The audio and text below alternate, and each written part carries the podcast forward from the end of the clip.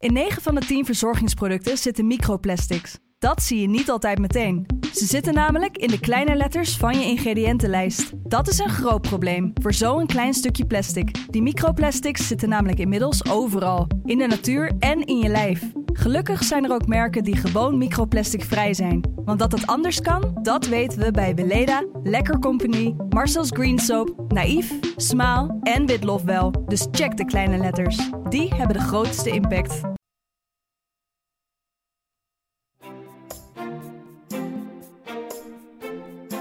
Dit is Kwestie van Centen, een podcast van de Financiële Telegraaf.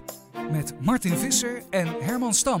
Nou, niet alleen uh, Martin is uh, aangeschoven, ook uh, Iteke de Jong, onze luchtvaartredactrice. In een hele drukke dag hebben we je toch eventjes een half uurtje kunnen vrijmaken om hier te zijn. Dank daarvoor.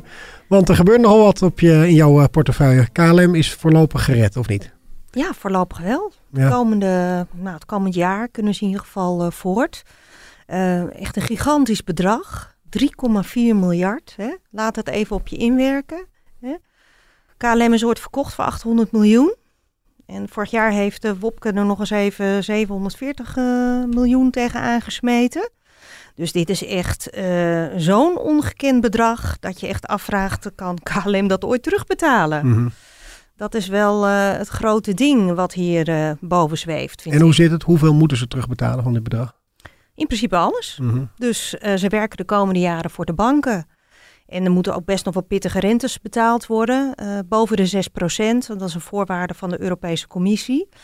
Dus ja, um, en als je geen inkomsten hebt, dan moet je maar snijden. En daar zijn natuurlijk ook behoorlijk stevige uh, maatregelen aangekondigd. Ja, nou was er altijd veel uh, weerstand tegen die reddingen voor de banken tijdens de kredietcrisis. En uiteindelijk hebben we daar zelfs flink op verdiend. Maar zo'n scenario zie je in dit geval minder snel voor ogen.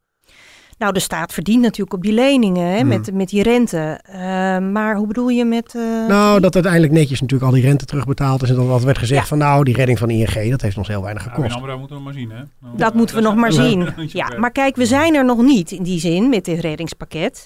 Want later dit jaar moet er ook nog een aandelenemissie plaatsvinden. En dan kom je weer op van, nou ja, hè, ga je dat dan ooit weer terugzien uh, in winsten? Maar vooralsnog ze verstrekken nu een lening. Nou, die moet gewoon netjes terugbetaald worden. Wordt rente opbetaald. Dus nou ja, goed. Daar lopen ze eigenlijk alleen maar risico als KLM echt uh, volslagen onderuit uh, zal gaan en dit niet uh, overleeft. Mm -hmm. Het is natuurlijk anders als je op een gegeven moment ook nog kapitaal gaat verstrekken. Want dan, wanneer zie je dat geld terug? Ja. Dus in die zin is dat wel een, een beetje anders. Ja. Was er een alternatief eigenlijk geweest, denk je? Was er een andere, was er een mooie oplossing dan denkbaar überhaupt? Voor, um, KLM? Nu, nou ja, kijk, ze, ze hebben nu een tijdelijk uh, overbruggingskrediet als het ware. Ik vraag me echt af van, nou ja, waarom heb je daar nu zo lang over moeten onderhandelen? Maar dat zit dan weer in bepaalde garanties, waar we misschien zo meteen nog even op in kunnen gaan. Um, uh, dus ja. Er moest altijd veel geld bij, toch? Dat het toch, hoe leuk, of het nou leuk is of niet, dus er moest geld bij. Het is, het is echt een soort van point of no return. Ja. Want op het moment dat je uh, geen geld geeft, ja, dan is dat bedrijf gewoon ter ziele. Mm -hmm. ja. Dus, uh, en het is nu maar bidden dat uh, de luchtvaart een beetje aan gaat trekken. Ja. Want dat is natuurlijk nog volstrekt onzeker. Wanneer kunnen we weer naar Amerika of naar China vliegen? Daar is KLM met zijn overstapnetwerk, hè, wat ze voor de coronacrisis nog had, heel erg van afhankelijk. En als dat niet terugkomt, ja, dan loopt de Nederlandse staat natuurlijk wel het risico dat dat geld uh, nooit uh, terug zal komen. Of dat je nog weer bij moet storten. Om, uh... Of nog meer bij gaat storten. Mm -hmm. Maar ja, um, de komende. Ik heb vanochtend met president-directeur Pieter Elbers gesproken van KLM. En die zei van ja, nou, dit jaar daar wil ik het nog niet eens over hebben. Ja, volgend jaar wordt het ook nog moeilijk. Nou, misschien dat we in 2022 weer eens een beetje wat gaan verdienen. Mm -hmm. Dus dat zijn echt enorm lange termijnen waar je aan vastzit. En kijk, uh, als het luchtverkeer gewoon niet op gang komt het komend jaar, ja, dan moet er misschien nog een keer een krediet gegeven worden. Dat sluit ik ook helemaal niet uit. Ja. Um, hè, want ja, de salariskosten, daar wordt dan nu wel iets aan gedaan. Hè. Um, KLM heeft een salarislast van 2,5 miljard per jaar. Nou ja, daar gaat nu misschien 10% van af. Dus dat, dat zijn, hè, maar de rest van die kosten loopt uh, gewoon door. En uh, ja, en je zit ook nog met het dilemma. Ja, ehm, hoe ver ga je snijden? Hè? Want eh, je kunt wel allemaal vliegtuigen buiten de deur zetten. Maar als de markt dan aantrekt, dan heb je je vliegtuigen niet. Dus dat is ook een enorm dilemma voor de KLM-directie. Van ja, eh, hoe groot of hoe klein gaan we worden in, eh, in de toekomst? Ja. En pas in oktober, heeft Elbers vanochtend gezegd, is pas duidelijk eh, hoe, dat, eh, ja, hoe groot KLM gaat worden, wat het uiteindelijk zal zijn qua Mhm. herstructurering. Ja. Dus er zijn nog heel veel onzekerheden in eh, dit hele reddingsplan. Wat vind jij, Martin? Moest het wel gebeuren? Is het belangrijk genoeg, KLM, om zo te redden? Nou, dat, dat lijkt me wel. Mhm. Ja, nee, dat, dat lijkt me wel. Bedoel, Het, het, kabinet heeft zelf een aantal criteria opgesteld voor of je een bedrijf wel of niet redt. Ja, en ik denk dat KLM in die zin natuurlijk wel aan alle, alle, alle aspecten voldoet. Bedoel, het gaat om dat je een belangrijke netwerkfunctie hebt, dat je natuurlijk een grote werkgever bent. Dat zijn natuurlijk, eh, het gaat natuurlijk niet alleen om de banen, maar ook je rol in, in de economie. Eh, dat is overigens breder natuurlijk dan alleen KLM. Dat geldt ook voor meer grote bedrijven. Ehm, eh, maar in dit geval kan me dat wel heel goed voorstellen. Dat je dat Mhm. niet zomaar op de fles laat gaan. Maar dan is het natuurlijk wel terecht dat je daar kritisch naar kijkt. Van, en niet alleen dat het terug moet betalen, zodat de, de belastingbetaler zijn geld er terug heeft. Maar je, gaat wel, je probeert wel iets te redden dat het ook echt een redding is. Waardoor dat er Ja. iets levensvatbaar overblijft. Ook dat is een criterium, een voorwaarde voor de steun van het kabinet. Ja, we, gaan wel, we gaan wel geld steken in bedrijven die in principe gewoon levensvatbaar zijn. Ja. En die levensvatbaar worden na onze redding. Nou goed, Ja. eh, als daar voorlopig nog vraagtekens bij te stellen zijn, is het een spannend avontuur. Werkt het met die luchtvaartmaatschappij ook niet zo dat elk land gewoon denkt van ja, maar die van ons gaan we gewoon redden? Dat het een soort competitie is tussen de Lufthansa's en de... Kijk, elk land wil toch eh, probeert zijn eh, lange afstandsbestemmingen, hè, zijn netwerken over de hele wereld, toch grotendeels in stand te houden. Hè. Dat zijn hè, de zogeheten flag carriers.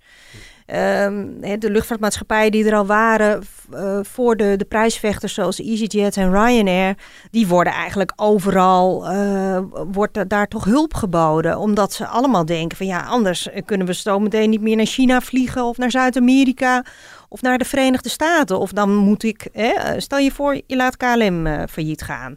En er zijn een aantal mensen die zeggen van nou joh, dan gaan we toch gewoon met een andere carrier. Ja, dan gaan we met Ryanair of EasyJet naar Frankfurt of naar Hmm. Parijs of naar Londen. En dan vliegen we van daaruit naar China. Dus eh, ja, en heel veel landen willen, ja, die hechten er vooralsnog aan om toch dat directe bestemmingenetwerk toch eh, in, in de benen te houden. Mhm. Maar goed, er is nog steeds onzekerheid. Komen de zakelijke reizigers weer terug? Ja. Dus dat, ja, in al die landen is het ehm, ja, ook net zo goed als in Nederland. Koffiedik kijken. Hm.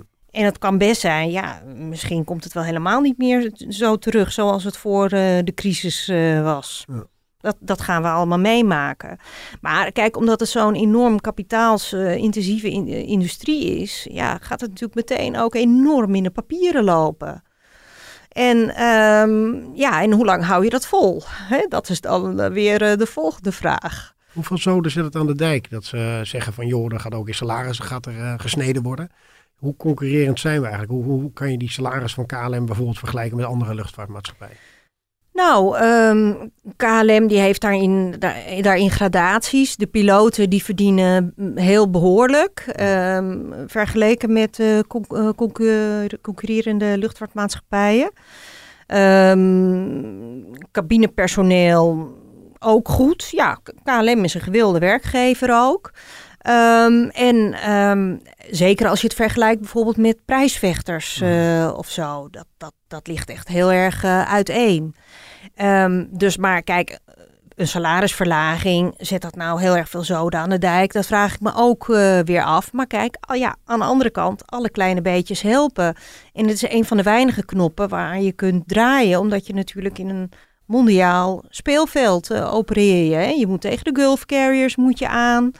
Ehm, tegen de Amerikanen, de Britten, die allemaal hun eigen eh, sociale, of die hele andere sociale afspraken hebben.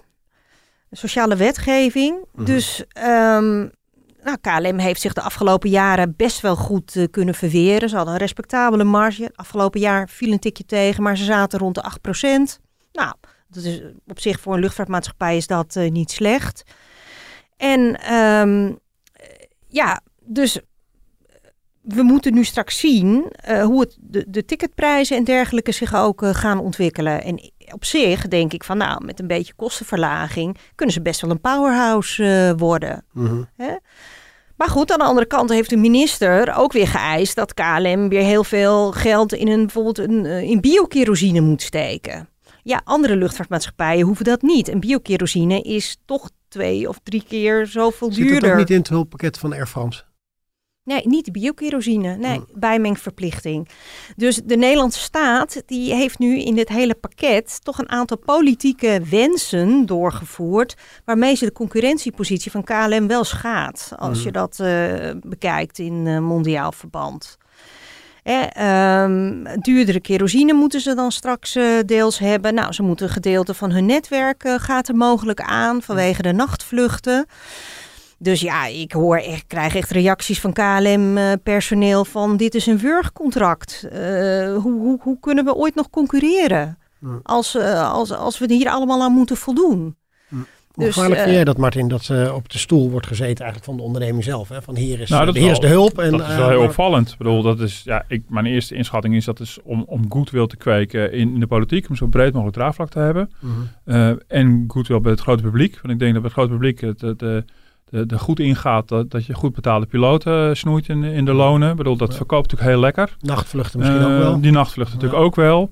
Eh, je ziet natuurlijk, het is ook al een, al een veel breder debat. Eh, ja, ook opvallend, ja, ik heb toch weer die brief erbij gehaald, is dat ik in de, de officiële voorwaarden van het kabinetsbeleid klimaat en milieu als zodanig niet mee zijn genomen. Hm. Er wordt alleen wel iets gezegd over dat moet ik in lijn zijn met het kabinetsbeleid wat betreft milieu. Maar ja, dat mag ik nogal hopen. Mhm. Als je niet handelt conform milieubeleid. Maar ze gaan hier echt stukken verder Zeker. dan eh, gemiddeld. En ook in vergelijking tot, eh, tot eh, bu- buurlanden of zelfs Air France. Weet Mhm. je, daar eh, zijn eh, dan een aantal eh, eh, vluchten, binnenlandse vluchten, die gaan ze dan niet meer doen. Maar ja, die waren verliesgevend. Dus dat, dat kost eh, Air France. Want kost dan moet je met de trein voortaan, dat is het idee. Nou ja, dat is dan het idee, maar alleen vanaf luchthaven Orly in Parijs. Maar je hebt natuurlijk ook nog Charles de Gaulle, dus daar valt natuurlijk ook nog wel eh, iets eh, aan te doen. Mhm.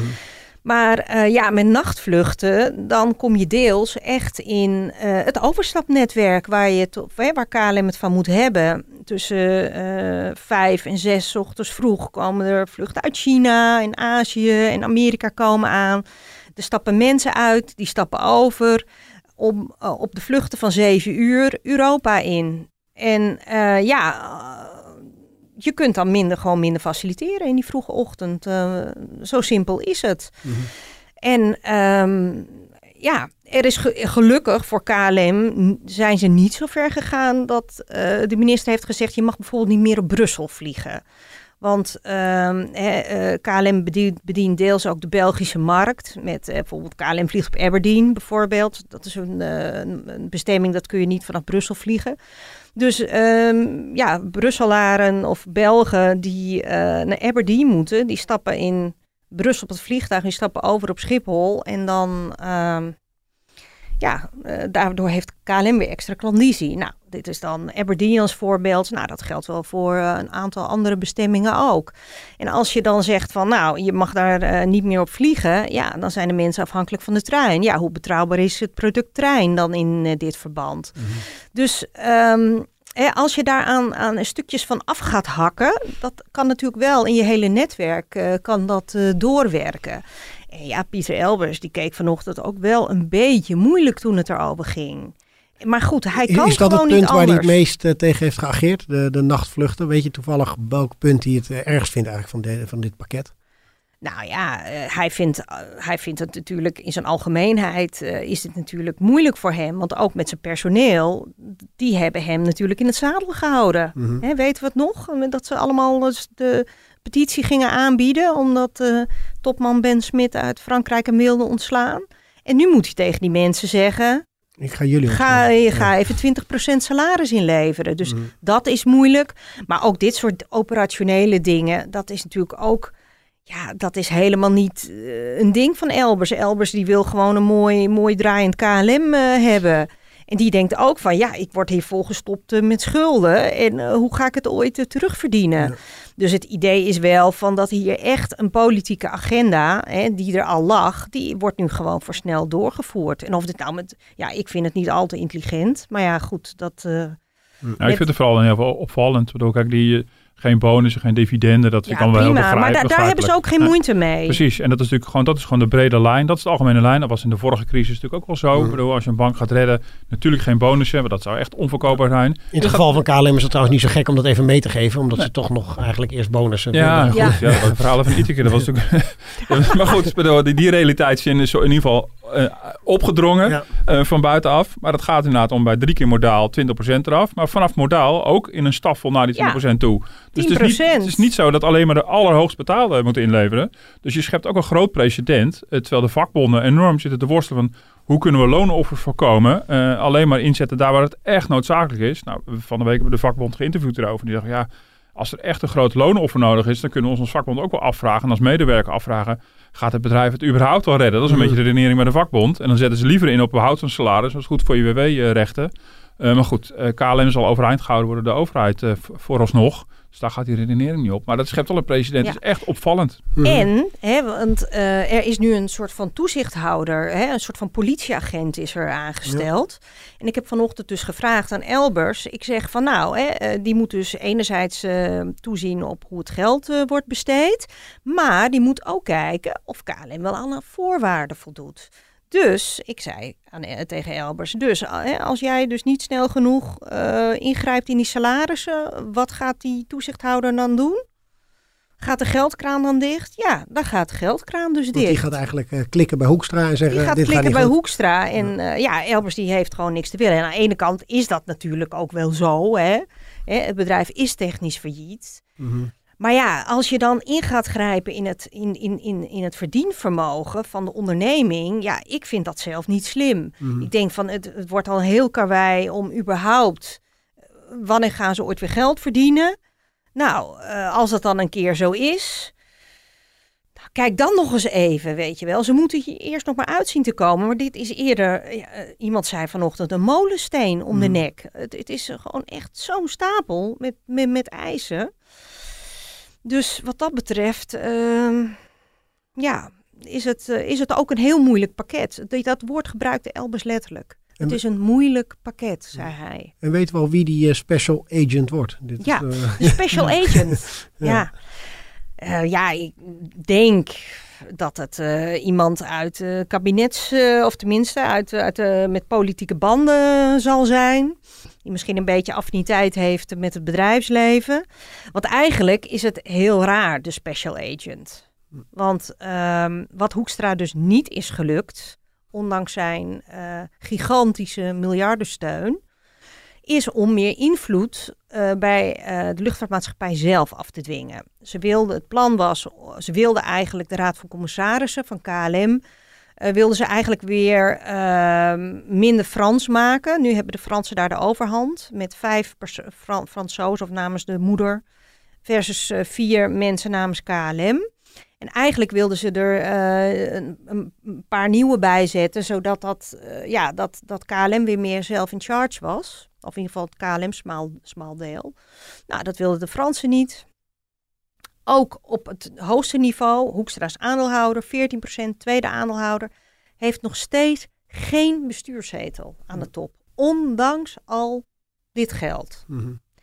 Dus is er nu gekozen voor een soort van, ja, suboptimale oplossing. En is er een soort van politieagent of een de special agent hebben ze nu eh, in het leven geroepen. En die moet dan een beetje gaan meekijken. Er is niet vastgesteld van, ja, eh, het, het is eh, onduidelijk. Zit die persoon nou elke keer bij de raad van commissarissen of, of, of in de directiekamer?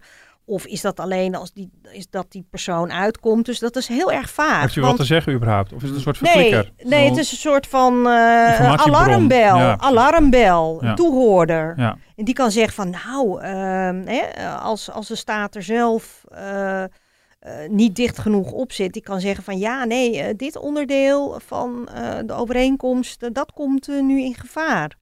maar je zou toch zeggen, als zo'n bedrijf met de rug tegen de muur staat, dan bedoel, ook voor de Fransen is het natuurlijk een probleem.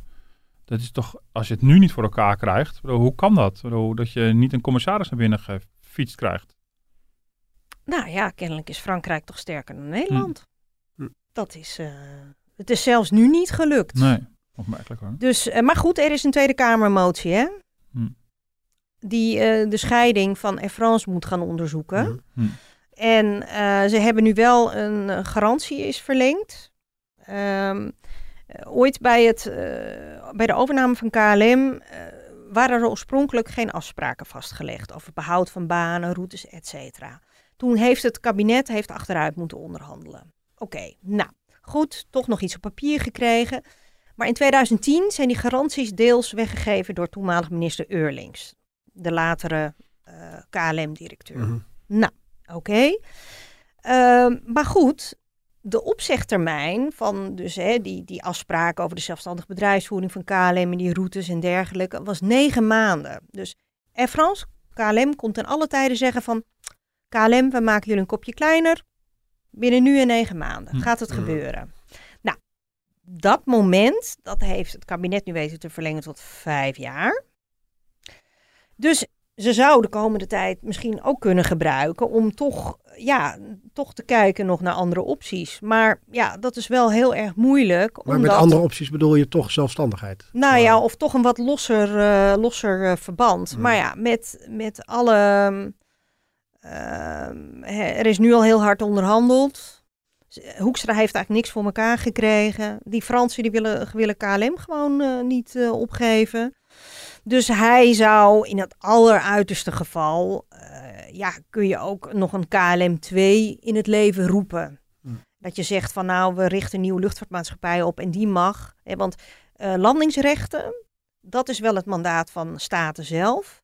Dus eh, eh, Nederland heeft met, met Brazilië afgesproken dat KLM eh, de route naar Rio mag vliegen bijvoorbeeld. En dan zou ze in het uiterste geval een, een, een nieuw soort vehikel in het leven kunnen roepen die ze die rechten geeft. Maar goed, dat is een hele lange en juridisch moeilijke en onzekere weg. Het lijkt me ook een totale oorlogsverklaring aan de Fransen. Ja, maar goed, er zijn hoeveel, oorlogsverklaringen hebben we al niet? Ja. gehad? nee, dat is Mhm. waar. Hè? Ja. En zelfs nu, in het diepste van de crisis, krijgt Hoekstra het deksel op de neus. Ja. Ze hebben hem als een hond behandeld tijdens de aandeelhoudersvergadering. Hij heeft daar gewoon het deksel op de neus gekregen. En plein publiek. Toen die tegenstemde Toen hij tegen de tegenstemde. stemde, Ja, zel- ik hoorde van bronnen van nou, zelfs in, eh, in, in, in diplomatieke kringen is dit gewoon een, een totaal affront. Dus de is dat een- relatie... is dat een repercussie voor de, die plotselinge eh, uitbreiding van de eigen belang? Nog steeds. Hm. Maar dat had natuurlijk ook een voorgeschiedenis. Want iedereen denkt van, oh, die Wopke is zo stout geweest vorig jaar. Maar in de jaren ervoor heeft de Nederlandse staat meerdere malen tegen Frankrijk gezegd dat ze ook aandeelhouder wilden worden. Hm. Maar Frankrijk wilde dat steeds niet. Dus ja, dit was het enige wat Wopke nog eh, kon doen Ja. op dat moment. Ja. En, ehm, nou ja, en je ziet nu, ze zijn daar nog steeds verbolgen over. Want zij zijn gewoon van mening, en op basis van het ondernemingsrecht hebben ze daar ook natuurlijk gelijk in. Wij hebben KLM gekocht. Mhm. En eh, kijk, Nederland wil dat dan op basis van redelijkheid doen, maar daar hebben zij gewoon helemaal geen boodschap Nee. aan. En eh, ze hebben Ben Smit ingehuurd om de boel hier, eh, eh, om van KLM een zogeheten operating carrier te maken. Nou, dat moment is dan nu met die vijfjaarstermijn iets wat naar de achtergrond geschoven.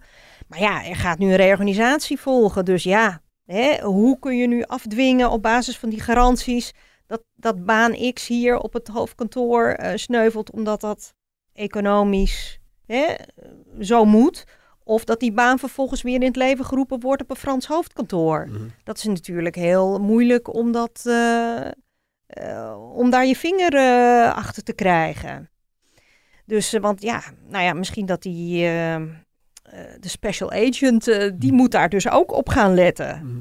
Dus die moet zijn oren en ogen overal open houden. Maar dan nog, weet je, dan moet je al gaan procederen. Of eh, eigenlijk ehm, is het, lijkt het ook gewoon weer op Tata en op Unilever in die zin. Hè?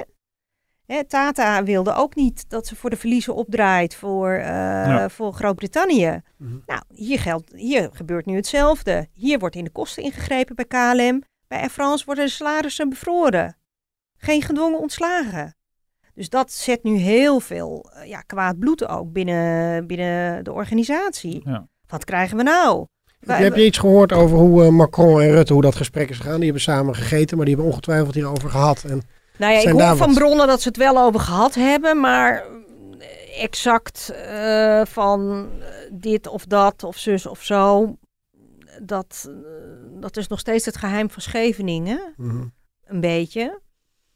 Maar ehm, als ik zie wat hier nu vandaag op tafel ligt, denk ik van nou, Wopke haalt eigenlijk, eh Bob Koekstra haalt eigenlijk meer de kastanjes uit het vuur voor Ben Smit. Was eigenlijk ineens te bedenken. Hè? Ik, bedoel, ik, moet, ik moet nog steeds denken aan Fortis ABN. Bedoel, wat Ja. in de vorige crisis ook dat België en Nederland speelde. En waar wij volgens Wouter Bos het gezonde deel hadden gekocht. Maar goed, Ja, eh, ja, ja. nou, dat was in ieder geval de sfeer van toen.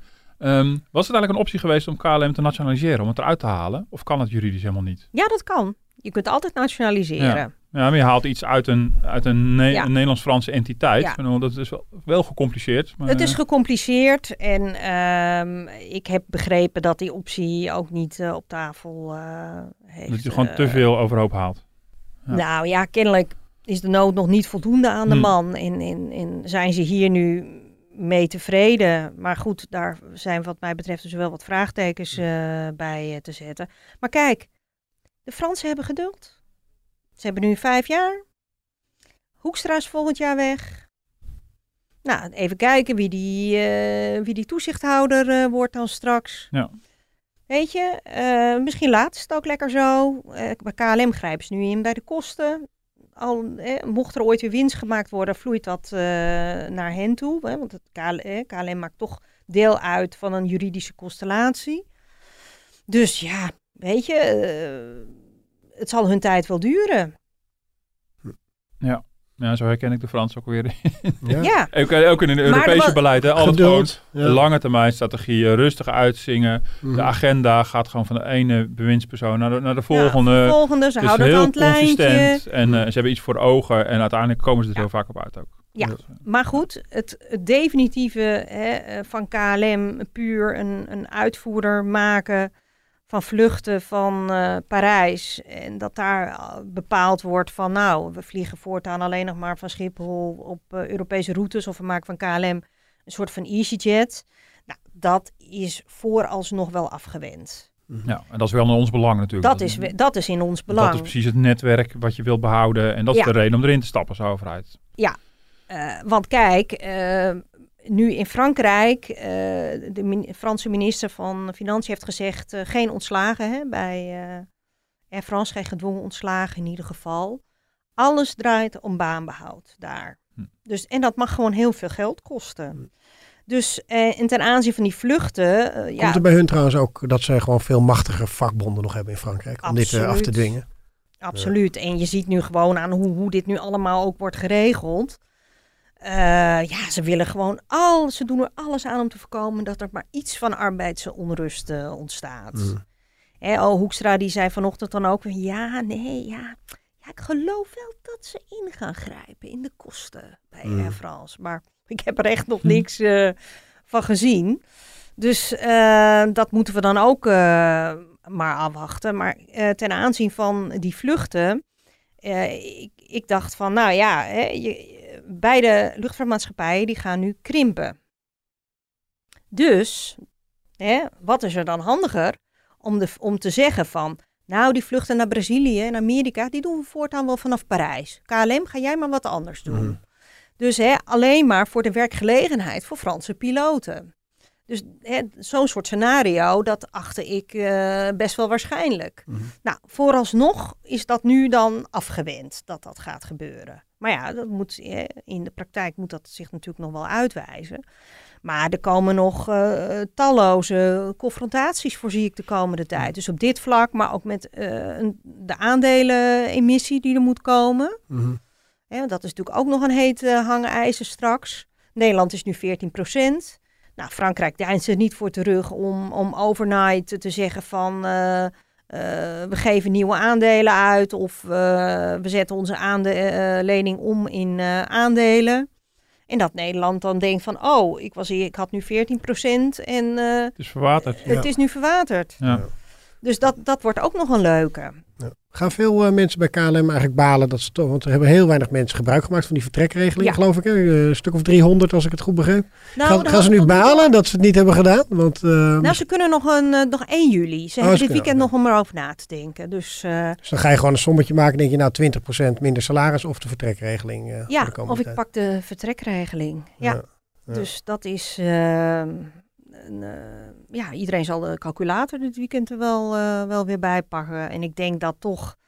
eh, dit zal zeker een volgende zet zijn van een aantal mensen die, eh, die denken van nou, bekijk het maar. Dat ga ik echt niet doen. Mhm. En ik hoorde ook al van bronnen van mij van ja, nu zul je zien, de goede mensen die gaan, die lopen nu het bedrijf uit, die we nodig hebben.